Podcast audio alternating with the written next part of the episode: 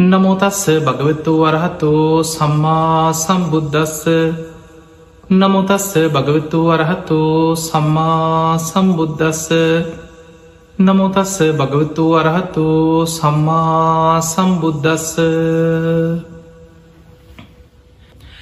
පිංහතුනි මේ යන සංසාර ගමනේ බුදුහාන්දුරු පෙන්නනවා උන්වහන්සේගේ ලෝකවිදූ ගුණේ ගත්තොත් මේ විශ්වය ගැන බුදු කෙනෙක්ගේ අවබෝධඥානය අපිට හිතාගන්නවත් බෑ. බුද්ධ විශ්‍ය අචින්තයයි. ලෝක විශ්‍ය අචින්තයයි. ඉරදි විශ්‍ය අචින්තයයි. බුදුරජාණන් වහන්සේ දවසක් ආනන්ද හාමුදුරු ආනන්ද හාමුදුරු හන සාමීනී මට මතකයි තතාගතයන් වහන්සේ දවසක් මෙන්න මෙහෙම ප්‍රකාශයක් කරලා තියෙනවා. මීට පෙර හිටියා සිකී වෙස්ස බූ කියලා බුදුරු දෙනමක් මීට කල්ප තිස්සයකට කලින්. ඒ සිකී බුදුරජාණන් වහන්සේට හිටියා අභිභූ කියල අග්‍රශ්ාවකයන් වහන්සේ නම. උන්වහන්සේට ඉරදියෙන් දස දහසක් ලෝක ධාතුවට මැහෙන් ඉරදියෙන් කතා කරන්න පුළුවන් ඉරදිමේ හැකියාවක් තිබිල තියෙන. දවසක් තතාගතයන් වහන්ස ඔය ගැන දේශනා කර. ආනන්ද හාන්දුරන්ට ඒක සිහි කරනකොට මතක් වුණා අගසව් කෙනෙකුට පෙර බුද්ධ ශාසනයක එවැනි හැකියාවක් තිබුණා නං බුදුරජාණන් වහන්සේලා සියලු දෙනාගෙම අවබෝධය ඥානයේ හැකියාව සමානයි. එනිසා තමයි අපි බුදුරජාණන් වහන්සේලාට කියන්නේ අසම සමු. වෙන කවුරුවත් එක්ක සමානනෑ එනිසා අසමානයි. ලෝකෙ වෙන කිසිම පුද්ගලයකුට සම කරන්න බෑ. හැබැයි බුදු කෙනෙක් තවත් බුදු කෙනෙක් එක්ක සමානයි. අසම සමයි. ආනන්ද හාමුදුරන්ට හිතුන බුදුරජාණන් වහන්සේට කොච්චර මේ විශ්වයේ පිට සක්වල ලෝකවලට වෙනත් ලෝක දහත්වලට ඇහෙන්න ඉරදියෙන් කතා කරන්න පුළුවන් ඉරදිම හැකියාවක් තියෙනවද දන්න. දවසක් බුදුරජාණන් වහන්සේලාට ඇවිල්ල වන්දනා කලා ආනන්ද හාමුදුරහනෝ සාමීනී භාකතුන් වහන්ස මම අහල තියෙනවා දවසක් තතාගතයන් වහන්සේ දේශනා කරා සිකී කියන බුදු හාමුදුරුවන්ට හිටිය අභිභූකින අග්‍රශ්‍රාවකයන් වහන්සේ දස දහසක් ලෝක ධාතුවට ඉරදියෙන් ඇහෙන්න කතා කරන. සාමිනී භාග්‍යතුන් වහන්සේ නමකට බුදු කෙනෙකුට මේ වෙනත් ලෝක දහතුල ඉන්න සත්වයන්ට ඇහෙන්න කොච්චර ඉරදියෙන් කතා කරන්න පුළුවන්ද. බුදුරජාණන් වහන්සේ වදාලා ආනන්දය තතාගතයන් වහන්සේලාගේ හැකියාව අනන්තයි අප මේ යයිකි වෙච්චරයි. ඊට වඩා විස්තර කරන්නේ බුදුවරුන්ගේ හැකියාව අනන්තයි අප මේ යයි. දෙවනි පාරත් ආනන්ද හාමුදුරුව ඒ ප්‍රශ්නය ඒ විදිහටම ආයමත් ඇහවා. ඒවෙලෙත් බුදුරජාණන් වහන්සේ වදාලා ආනන්දය තතාගතයන් වහන්සේලාගේ හැකියාව අනන්තයි අප මේ යයි.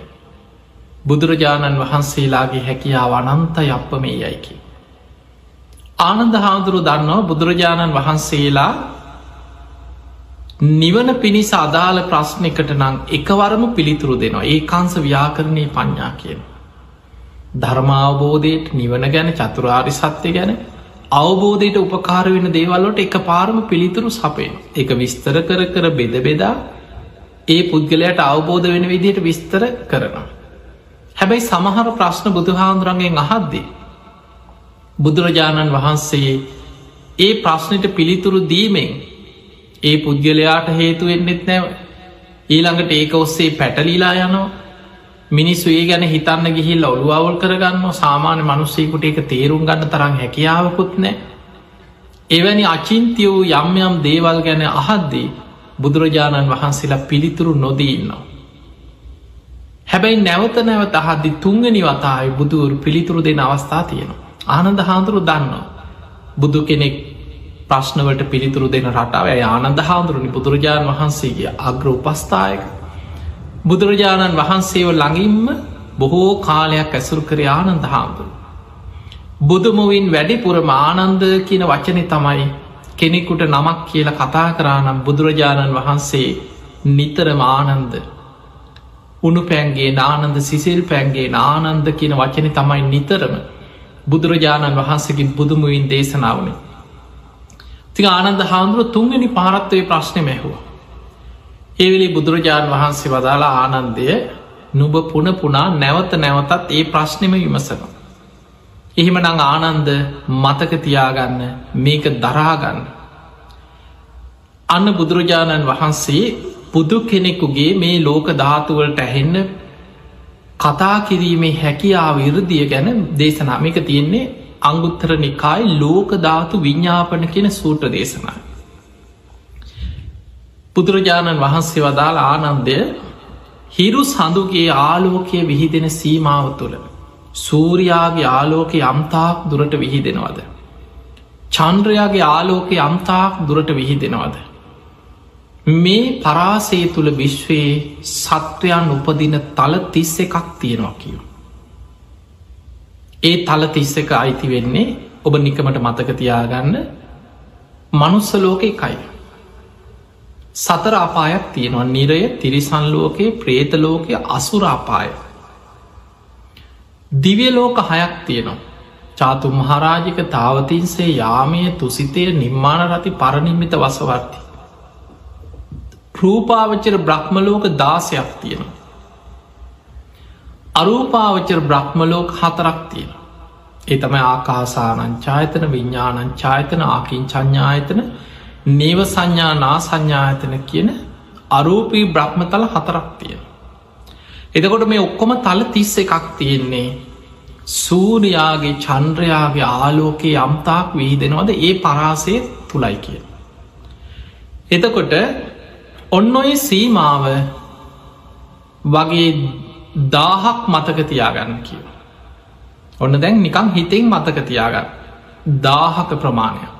ඒ දාහ තුළ මේ වගේම සූරියාව දාහ චන්ද්‍රයෝ දාහ මනුස්සලෝකද අර තලතිස්ස එකේව දාහක ප්‍රමාණය. ඒ තමයි කිව සහස්ශ්‍රී ලෝකධාතු. ආනන්දේ දාහ වැඩි කරන්න කීවත් තවත් දස දහසකින්. ගුණ කරන්න එකතු කරන්නම වැඩි කරන්න. ඒ දාහි ප්‍රමාණි වගේම තවත් දස දහසකින් ගුණ කරන්න. ඒ තමයි දිවිශාස්ත්‍රී ලෝකධාතු. ආනන්ද ඒක තවත් දස දහසකින් ගුණ කරන්න දිවිශාශ්‍රී ලෝකධාතුව ගුණ කරන්නක තවත් දස දහසකි. ඒ ප්‍රමාණයට කියනවා ත්‍රහි සහස්සී ලෝකධාතු. ඔබ අහල ඇති කෝටි ලක්ෂයක් සක්කොල කියලා හල ඇති. ඒ කෝටි ලක්ෂයක් සක්කොල කියලා කියන්නේ ත්‍රහි සහස්සී ලෝකධාතු. බුදුරජාණන් වහන්සේ වදලා ආනන්ද බුදු කෙනෙක්ගේ ආච්ඥා ශේෂත්‍රය ත්‍රහි සහස්සී ලෝක ධාතුවටම ආච්ඥාව පතුරුවන්න පුළුවන්. හැබැයි බුදු කෙනෙක්ගේ අවබෝධඥානය අනන්ත සක්වලට තව එහාට චතු සහස්සී පංච සහස්සී මේ විදියට අනන්ත සක්වල කරා බුදු හාමුදුරන්ගේ අවබෝධය පැතිරිලා යනවා. ආනන්ද තතාගතයන් වහන්සේට කැමති නං සහස්ශ්‍රී ලෝක ධාතුවට මැහෙන්න ඉරදියෙන් කතා කරන්න පුළුව. තතාගතයන් වහන්සේගේ ඉරදියෙන් දස දහසක් ලෝක ධාතුවට මැහෙන්න කතා කරන්න පුළඟට චූලනිකා ලෝක ධාතුවට. ඊළඟට දිවිශාස්ත්‍රී ලෝක දහතුවට. එහෙමත් නැත්තං කෝටි ලක්ෂයක් සක්කොල ත්‍රහි සහසී ලෝක දහතුවට මැහෙන්න ඉරතියෙන් කතා කරන්නත් පුළුවන්. ආනන්ද හාමුදුරන්ට මේ කාරණී කියනකොට ඇග කිලි පොලාගෙන ගිය. ඇගේ ලොමු ඩැහැගත්ත. ආනන්ද හාන්දුරකින ස්වාමීණී භාගතුන් වහන්ස ආශ්චරය. බුදු කෙනෙක්ගේ හැකියාව බුදු කෙනෙක්ගේ ඉර්දිය මට හිතාගන්නවා බෑ ස්වාමීණි මගේ ඇගේ කිලි පොලාගෙන ගියා කිය. එතකොට ඒ වෙලා එතන හිටියා බුදුරජාණන් අර ඔය සාමාන්‍යින් ඕඩ තැනක ඉන්නවා මොකක් හරි කියපු ගමන් ඒක විහිලුවට ගන්න එක්කෝ කටකැඩිච්ච කතා කියන ඒ වගේ අයිටිය. බුදුහාදුරයි කාලෙත් ඔයි දේව දත්ත පාක්ෂික භික්‍ෂූන් වහන්සේලා අතර සමහරු හිටිය උසුළු විසුළු කර. ඒ වගේ උදායි කියලා භික්ෂුවක් එතන හිටපු ඒ වෙලේ කියනවා ආනන්ද ඔයාට මොකද මේ ඒ හැකියාව තියන ඔයාට නෙමෙනි බුදු හාමුදුරුවන්ට න්‍යානන්දට මොකද වෙලාති අන්නේ විදිහට ඇහු. ඒ වෙලේ බුදුරජාණන් වහන්සේ වදල හාහා උදායි එහෙම කියන්න එපා. ආනන්දගේ හිතේ බුදුරජාණන් වහන්සේ ගැන ඇතිවෙච්ච පැහැතීම සද්ධාව ආනන්දට හත්වාරයක් සක්විති රජකං කරන්න තරන් ඒ පින බලවත් දෙදෙව්ලෝට අධිපති සක්‍ර දෙවියන් වෙලා කීප වතාවක් උපදීන තරන් ඒ පින බලවත්.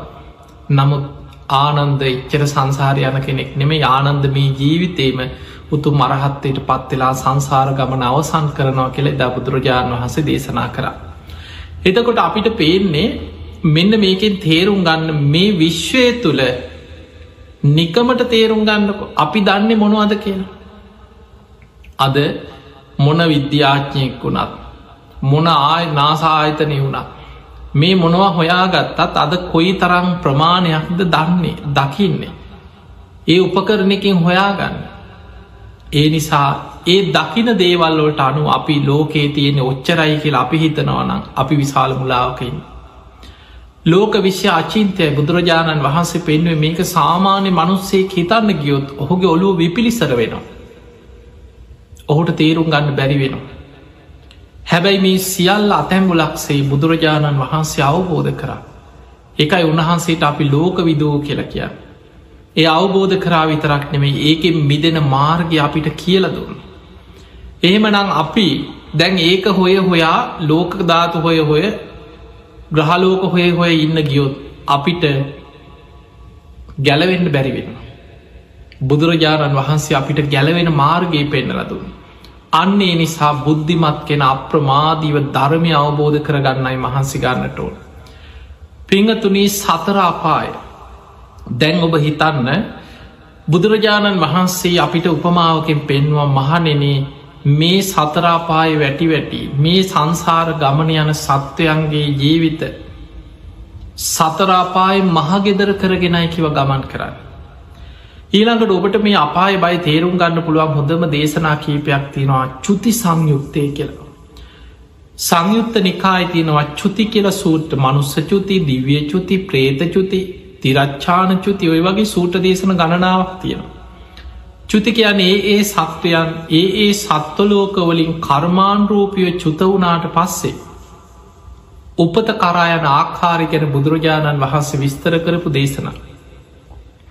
ඒක බුදුරජාණන් වහන්සේ පෙන්නනවා මනුස්ස චුති සූත්‍ර බුදුහාන්දුරු පෙන්නවා නියසිලට පස්්ටිකක් කරගෙන ඔබ දන්නවා සාමාන්‍ය පොළොවෙන් පස්්ටිකක් නිය පොත්තට නිය සිලට ගත්තෝ මහ විශාල් ප්‍රමාණයක් එන්නෑ නිතාම ස්වල්පයයි. බුදුරජාණන් වහන්සේ මේ ස්වල්පයේ භික්‍ෂූන් වහන්සේලාට පෙන්නනවා. පෙන්නල කියනවා මහනෙන මේ මහපොළොවෙ තියෙන පසුත් නිය සිලේ තියෙන පසුත් අතර වෙනස නුබල දකිනවද? එහෙමයි ස්වාමීනී. නිය සිලේ තියෙන ඉතාම ස්වල්පයයි. මහපොළොවි තියෙන පස් ප්‍රමාණය සීයෙන් පංගුවක් දාහෙන් පංගුවක් ලක්සෙන් පංගුවක් බින්දුගානෙන් කියන්න බැරි තරම් දීර්ගයි. බුදුරජාණන් වහන්සේ වදාලා මහනෙන. මේ මනුස්ස ජීවිත ගත කරන අයගේ මේ සංසාරයන සත්‍යයන්ගෙන් ආයමත් මනුස්ස ජීවිතයකට එන්න මෙන්න මෙච්චරයි කියව. නිය සිලට ගත්ත පස් වගේ පිරිසක් මනුස්ස ලෝකෙටේ. මේ මහපොළොව පස් වගේ පිරිසක් සතරාපායට වැටෙනවා. අපායම වැටි වැටි සංසාර යන පිරිස මහපොළොවෙ තියෙන පස් වගේ කිය. දැන් ඔබ නිකං ඒ උප දැන් ඔබට ඕක නිකං කවරු හරි කිවොත් හිතෙනෙ නෑ. ඕක කොහෙද? ඕක වැරදිලා කියලා හිතෙන පුළො. සමහරු හිතනවා මෙච්චන මිනිස්සු ඉන්නේ. දැන් ජනගහනය වැඩි වෙලානේ. ඔය ඕ කොහෙද? මෙච්චර මිනිස්සු ඉන්න කියල හිතෙනවා. අපිට එහෙම හිතෙන්නේ අපි අපි අනික් ලෝක ගැන අපි කවුරු සංගණනයක් කරලා නෑන. අපි සංගණනය කරන්න මේ මනුස්ස ලෝකෙ පොඩ්ඩක් එහෙම වුණත් මිනිස්සු ගැන විතර අපිට හොයා ගන්න පුලො පිංහත් අපි දැ මිනිස්සු ගැන හිතම. ඔබට මෙන්න මේ විස්තරයෙන් තේරෙයි.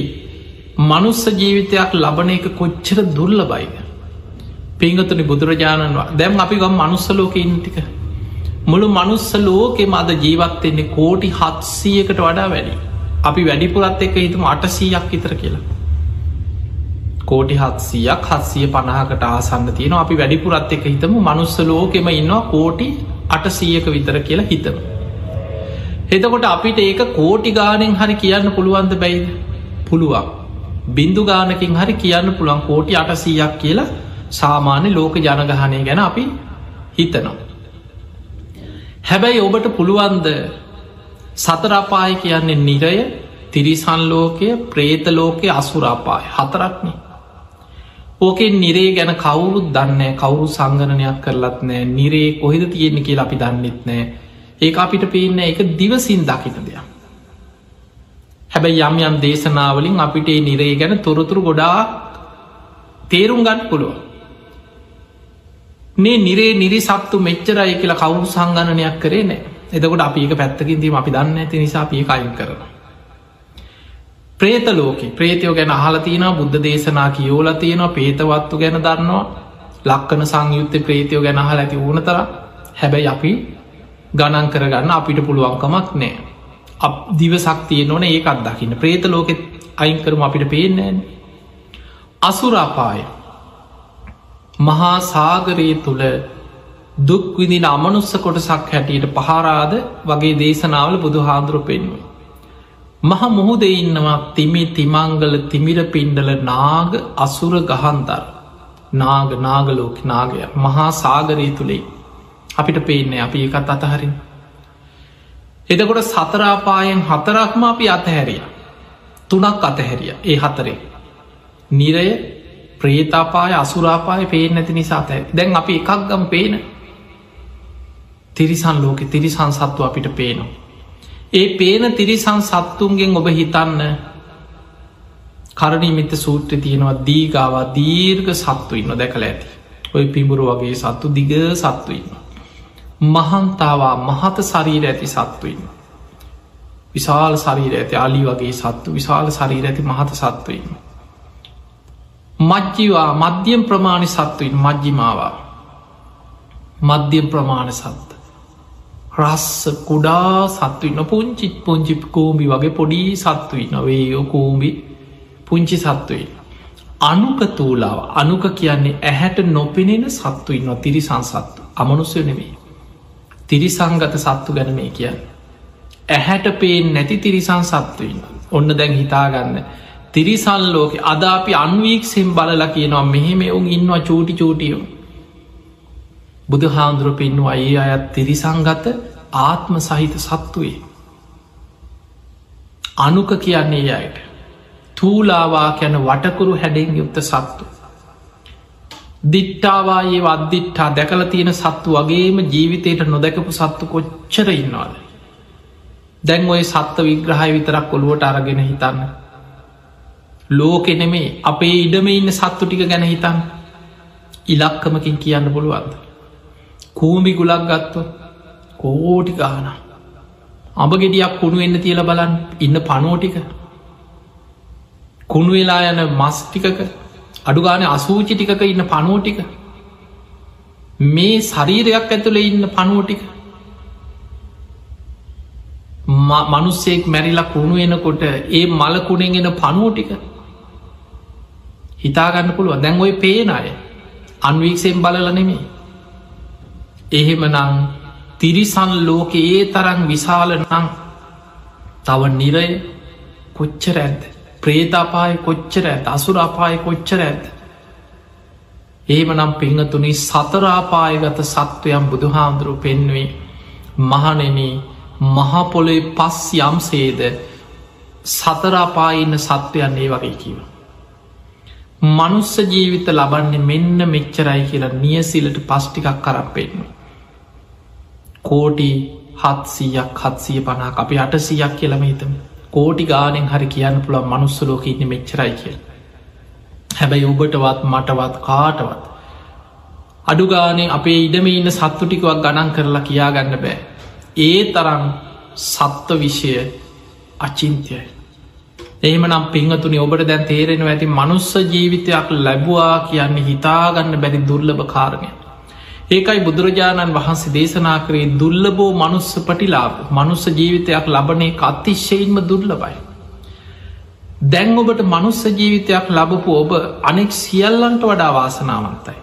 ඒකට හේතුව දුල්ලබා බුද්ධෝත්පාදෝ දුල්ල භාෂණ සම්පති බුද්ධ බුදු කෙනෙක් ඉපදිච්ච පහළ වෙච්ච බුදු කෙනෙක්ගේ ධර්මය ලෝකෙ පවතින කාලිකයි ඔබ මනුස්ස ලෝකෙයින් ඒ විතරක් නෙමෙයි ඔබට ෂණ සම්පත්තිය මේ බණහෙනවා හිත පහදනවා කෝමහරි මේකෙන් ගැලවෙන්න ඕන කියල හැඟීමක් ඇතිවෙන අන්නේ කෙන බුදුරජාණන් වහන්ස පෙන්වා මහනෙන මේ ලෝකෙ මිනිස්සු බුදු කෙනෙක් තරම් මේ සංසාර ගමනය අනතුර දකිනවනම් සතරාපායගත සත්‍යයන් විදින දුක බුදු කෙනෙකුට තරම් මේ ලෝකෙ මිනිස්සුන්ට වැටහෙනවා නම් මේ මිනිස්සු හිසගිනි ගත්ත කෙනෙක් ගින්න නිවන්න මහන්ස් වෙන වගේ.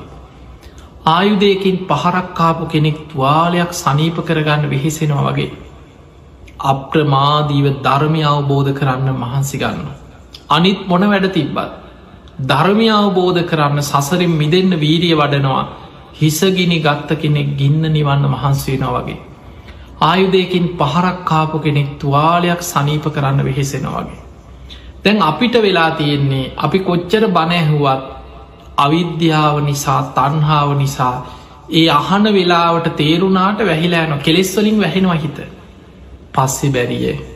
පස්සෙ බැරියේ. තව කල් තියෙනවා නොයි ඕව කොහෙ කරන්න දැම්ම කොච්චර ප්‍රශ්නති ඒ වගේ අදහස් හිතට ගලාගෙන ඔය ඕන දෙයක් වෙන්න ඇත ඒක ඒ වෙලාවට බලාගම්. අන්නේ වගේ හිත. ඒක තමයි අවිද්‍යහාය භයානක්කම ඒ නිසා සතරාපායෙන් මිදන්න මහන්සි ගන්න කෙනා කොහොමද අපායෙන් මිදන්න කියන තැනදී අපිට අවශ්‍යමද ඉස්සල්ලා තේරුම් ගන්න බුදුහාමුදුරු පෙන්වේ සද්ධාව ඇතිවෙන්නත් අපායි බය දකින්න ඕනේ. දුක්කූප නිසා සන්දහා සසර දුක අපාය බය අපායි වැටි වැටි විදින්න සිද්ධ වෙන දුක දකින කෙනාම තමයි කොහොමද මේකෙන් බේරෙන්නේ කියලා අප්‍රමාදීව වීරිය වඩන්න එයා තමයි අවබෝධයෙන්ම බුදුන් සරණයන් එයා තමයි අවබෝධයෙන්ම ධර්මය සරණයන් එයා තමයි අවබෝධයෙන්ම ශ්‍රාවක සංඝයා සරණයන් ධර්මාවබෝධය පිණිස වීරිය වඩන්න ඒ නිසා මේ ලැබිච්ච මනුස්ස ජීවිතය තුළ අපායෙන් මිදන්න මහන්සි ගන්නවා කියලා කියන්නේ. ඔබ සංසාර බයදකින කෙනෙ. ඔබ සද්ධාව ඇති කර ගත්ත කෙනෙ. ඔබ බුදුහාන්දුරන්ගේ දේශනාව ගැන විශ්වාසය අප්‍රමාදීව ධර්මය වඩන කෙනෙ. ඒ පිණිසාපි පියවරෙන් පියවර යායුතු මකක් තියෙන. බුදුහාදුරුව පෙන්ව මේක හරියට මහා මුහුදට බහිනව වගේ වැඩක්. අනුපුබ්බ සික්කා අනුපුබ්බ කිරියා අනුපුබ්බ ප්‍රතිපදා. අනුපිළිවලින් සීලේක පිහිටනෝ ප්‍රතිපදාවක දෙනවා ඉස්සල්ලාම දැන් අපි ගම සාමාන්‍ය තේරුම් ගන්න කෙනෙකුට කොහොමද අපි මේ බනාහල දැන් අපාය ගැන බයක් ඇති වුණොත්? කොහොම හරි මේකෙන් මිදෙන් ඕන කියලා හිතුනොත් කොහොමද මේක පටන්ගන්න පළවෙනිම දේ තමයි බණහන් නිතර නිතර බණහන් ඒ බණ අහනකොට ඔබට බුදුහාමුදුරන්ගේ අවබෝධය ගැන මේ සංසාරි ස්වභාවය ගැන සතරාපාය ගැන හොඳට තේරෙන්න ගන්න. ඒ තේරෙනකොට ඔබ අවබෝධයෙන්ම සීලේක පිහිටන. දැන් අපි ඉස්සල්ලාම ඔයා සීලේක පිහිටල පටන්ගන්නක සීල සමාධි ප්‍රඥා තමයි වැඩෙන්නේ. හැබැයි අවබෝධයක් නැති කෙනා සීලේක පිහිටවන්න අමාරුයි. ඇයියා දන්නේ නෑ මොකටද සිල් රකින්නේ. සීල වටිනාකම දන්නේ. ඒ නිසා බොරුවට සිල් ගත්තට සිල් රකින කෙනෙක් නෙවෙය. එයා සික්ෂාපත ගැන හැඟීමක් නෑ. බොහෝ දෙනෙක් වර්තමානය සිල්ගන්න චාරිත්‍රයක් වසේ.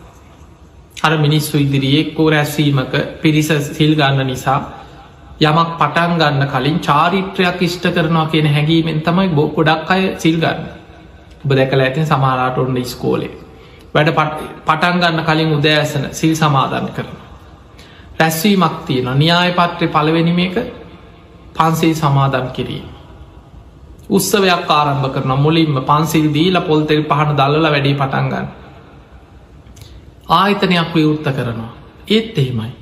සමහරු හොර ව්‍යාපාරයක් ආරම්භ කරන්න. මොන තරන් වැරදි වැඩ අපරාධ කරන ව්‍යාපාරයක් පටන් ගත්තත්. එතනත් පන්සිල් අරගෙන පොල්තෙල් පහන දල්වලා එහෙමතයි වැඩේ පටන් ගන්න දන්නේ නෑ මොකක්ද සිල් ගන්න එක තේරුම කියලව. ඒක තේරුම් ගන්න නම් බණහන්න ඕනේ. ඒ නිසා කාලයක් බණහන්. බණ අහනකොට දැම් බුදුරජාණන් වහන්සගේ කාලේ ගෙවල්ලොල ඉදන් සිල් අරගෙන හොඳට සිල් රැකලා බණහන්නාව නෙමේ. මිනිස්සු වැරදි වැඩ කර කර පව්කං කර කර හිටපු මිනිස්සු. බනාහල ජීවිතය වෙනස් වුනේ. ඊට පස්සේ තමයි ඔවුන් සිල් රකින්න පටන් ගත්ත. ඊට පස්සේ තමයි ඔවුන් ධර්ම මාර්ගය අවබෝධයෙන් ධර්ම මාර්ගය වැඩුවේ. බලන්න සමහරයි බුදුරජාණන් වහන්සේ ළඟට ඇවිල්ල බණහලා දේශනාව අවසන් වෙනකොට සාමීනි මේ ධර්මය හරියට වහලා තිබ්බ දෙයක් කැරල පෙන්වා වගේ. අන්දකාර හිටපු කෙනෙකුට ආලෝකයක් පහළ වුණා වගේ. මේ ධර්මය හරියට මම්මුලා වෙච්ච කෙනෙකුට පාරක් පෙන්වා වගේ. සාමීනි අද පටන් අපි බුදුන් සරණ යනවා. අද පටන් ධර්මය සරණයන. අද පටන් ශ්‍රාවක සංඝයා සරණ යනවා කියලා අවබෝධයෙන් තෙරවා සරණයන. හිට පස්සේ තමයි යා සීලවන්ත උපාසකයෙක් බවට පත්වේ. එයා සික්ෂාපද රකිමින් තමන්ගේ කයවචනය සංවර කර ගනිමින් ගුණ ධර්ම රකින. එනිසා පිංහතුනි පටන්ගන්නම තැන නිතර බණහන් අද කොච්චර වාසනාවත්. ඔබට අන්ත්‍රජාලය ගත්තත් ගොඩාක් බණහන්න පුළ බණ පොත්ද කැසද්ද සීඩීද සංගරාද අද ගොඩා ක්‍රම තියෙන ඔබට බණහන්. නිතර බණහන් ආසාාවෙන් බණහන්. එහෙම බණ අහගෙන අහගෙන යනකොට කාලයක් යනකොට ඔබට දහම් දැනුම ඇති වෙනවා සද්ධාව ඇති වෙනවා අපාය බය ඇති වෙනවා. ධර්මය ඔස්සේ ඔබ හිතන්න පටන් ගන්න අන්න එතකොට ඔබට සීලේක වටිනාකම හොඳට දැනෙනවා. දැන් ඔබ සිල් රකින්න කවුරුත් කිය නිසානමේ කට්ටිය බලෙන් පන්සේල් සමාධංකරොන් නිසානම ඔබ අවබෝධයෙන්ම එතන ඉදන් සේල් රකින ඊට පස්සේ බණහන කෙනා උතුම් සීලේක පිහිට. අපි ගම ගිහි ශ්‍රාවකයෙක් නං ඔබ පන්සේල් රකින හැබැයි පන්සේ සමාදන් වනාට තාම ඔබ අවබෝධයකින් ඉන්න වනෙමේ ඒ සික්ෂාපද බිදෙන්න්න කැඩෙන්න්න තියෙන අවස්ථාව ඕන තරම් හැබැයි සංසාරි බයදකින කෙනා අපායිම් මිදන්න වීරිය වඩන කෙනා තමන්ගේ පුංචි වරදේ පවා බිය දකිනවා. සික්ෂාපදයක් කැඩුනොත් ඒ සැනි ආයතින් සංවරේ පිහිට ආයතින් සංවරේ කියන්නේ දැඩි අධිෂ්ඨානයක් ඇති කරගන්න ආයි නම්මම් මේ කරන්නේ. ඒ මොහොතේ මායි පන්සේ සමාධන් වෙලා වරද නිවරදි කරගන්න. ඒ විදිහට තමයි වැටි වැටී නැකිටිනවා වගේ අධිෂ්ඨානින් වීරිය සෝවාන් වෙනකල් සෝවාන් වෙච්ච කෙනා තමයි සතරාපායින් සදහටම නිදහස්වේ. එයා තමයි අවබෝධයෙන් සිල් රකින්නේ. ඒ සීලේට කියන්නේ ආර්ය කාන්ත සීලේ. සෝවාන් වෙච්ච කෙනාගේ සීලේ අවබෝධයෙන් යුක්ත ආර්යකාන්ත සීලය. එතකං සීලාදී ගුණධර්ම ආරක්ෂා කරගෙන වීරිය ඒ ගමන යන්න උත්සාහ කරන කෙනෙ. දැම් බණහනවා හොඳට සිල් සමාදන් වෙනවා. නිති පන්සිල් රකින්න පුරුදු වෙන කෙනා පෝයට පුරුදු වෙනවා මාසකට එක දවසක් හරි. බුදු හාන්දුරය කාලන සතර පෝයටම උපෝ සතේ රැක්ක. අද අඩුගාන පසොලොස්සක පෝයට හරි උපෝ සත සීලයක් පුරුදු කරනවා.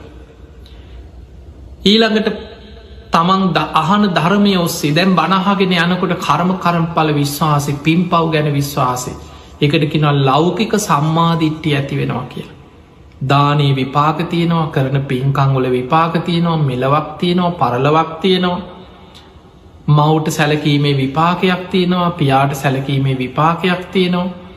තමන් කරන හොඳ නරක කර්මයන්ගේ විපාක තමන්ට ලැබෙනවා. ඕපපාතික සත්වයන් ලෝකෙ පහළ වෙනවා. තමන්ගේ නුවනින් ජීවිතය අවබෝධ කළ ප්‍රකාශ කරන ශ්‍රමණක් බ්‍රාහ්මණයන් ලෝකෙ පහළ වෙනවා. මෙන්න මේ අවබෝධය දැනුම වැටහීම ඇති වෙනවා. ඒකට කිනොල් ලෞකික සම්මාධිත්තිය මේ අවබෝධය තුළ පිහිටල එයා පින් කරනවා. ධර්මාවබෝධය අරමුණු කරගෙන දන් දෙනවා සිල් රකිනවා. දෙමවපියන්න සලකනවා පින්කං කරනවා කර්ම කරම්පල විශ්වාස කරන කෙන අකුසලින් වලකිනවා සබ්භ පාපස්සා කරනගේ පුළුවන් තරන් සියලු අකුසල් වලින් වලකිනවා වලකින්න උත්සාහ කරනවා වීරිය වඩනවා. කුසලස් සූප සම්පදයා කුසල් වඩනවා පින් කරනවා. පිනටම නැඹුරු වෙච්ච ජීවිතයක් පුරුදු කරනවා. සචිත්ත පරියෝධපන. අන්න දැන් ටික ටික භාවනාවකට යොමුයෙන බුදුගුණ සිහි කරනවා මෛත්‍රී භාවනාව වඩනවා. කය ගැන යථවසයෙන් විමසනවා ධාතු මනසිකාරය පිළිකුල් භාවනාව. කායනු පස්සනා භාවනා සතර සතිපට්ඨානය ඔස්සේ භාවනා වඩනවා. අන සචිත්ත පරියෝධපන. දැන් ලෞකික සම්මාධිට්්‍ය ඇතිකර ගත්ත කෙනාගේ ඉලක්කෙ තමයි ලෝකෝත්තර සම්මාධිට්්‍ය ඇතිකර ගැනීම.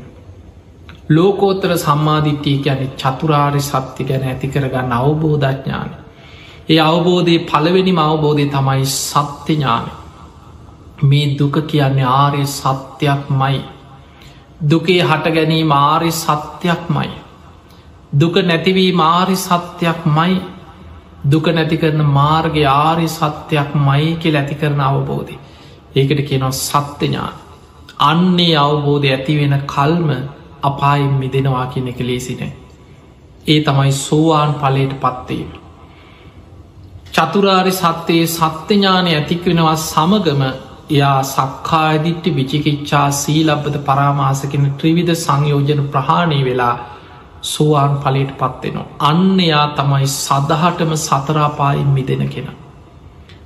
බුදුරජාණන් වහන්සේ පෙන්වා සෝවාන් පලට පත්වෙච්ච කෙනෙක් උපරිම ආත්ම හතයි උපදන්න. දිවිලෝකික සුගතියක ඉපදුනත් ආත්ම හතයි. ආත්ම හතෙන් මෙහා ආත්ම හතක් ඇතුළත ඊතිරි කෙලෙසුත් ප්‍රහාණය කරගෙන ඒ කාන්තෙන් නිවන කරා යනවාමයි සෝවාන් වෙච්ච කෙනෙක් යතින් අපායගාමි අකුසලයක් සිද්ධ වෙනවා කියන එක අබහු යයි සිද්ධ නොවන දෙයක් කියන කවදාව. එයා සදහටම අපායෙන් මෙදිච්ච කෙනෙ. ඒ නිසායි පිංහතුනි බුදුරජාණන් වහන්සේ අපිට පෙන්වේ යුද්ධ දාහක් දිනනවට වඩා. ලෝකෙම පාලනය කරන සක්විති රජ කෙනෙක් වෙලා ලෝකෙම රජකං කරමින් ලෝක යටත් කරගෙන පාලනය කරනවටත් වඩා.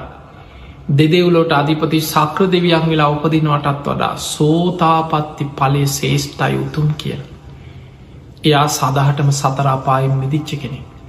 අන්නේ පිණිසයි අපි මේ ධර්ම මාර්ගය වඩන්.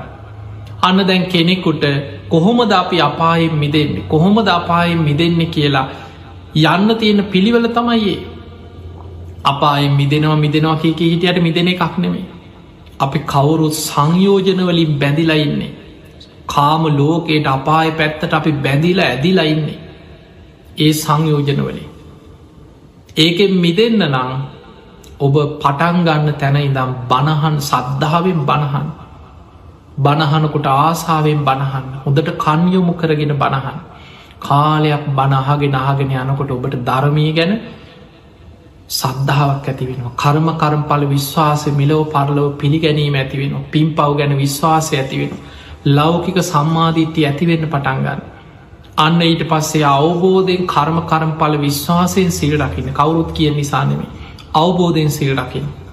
ඒ සීලේ දියුණු කරගන්න පියවරෙන් පියවර උත්සාහ කරන පුංචි වරදේ පවා බය දකින එයා ලෞකික සම්මාධිට්්‍යය තුළ පිහිටලා පින්කං කරන කුසල් වඩන අකුසලෙක් වලකිනවා එයා ලෝකෝත්තර සම්මාධිට්්‍යිය නම් වූ චතුරාරි සත්‍ය අවබෝධ කර ගැනීම පිණිස වීතිය වඩන.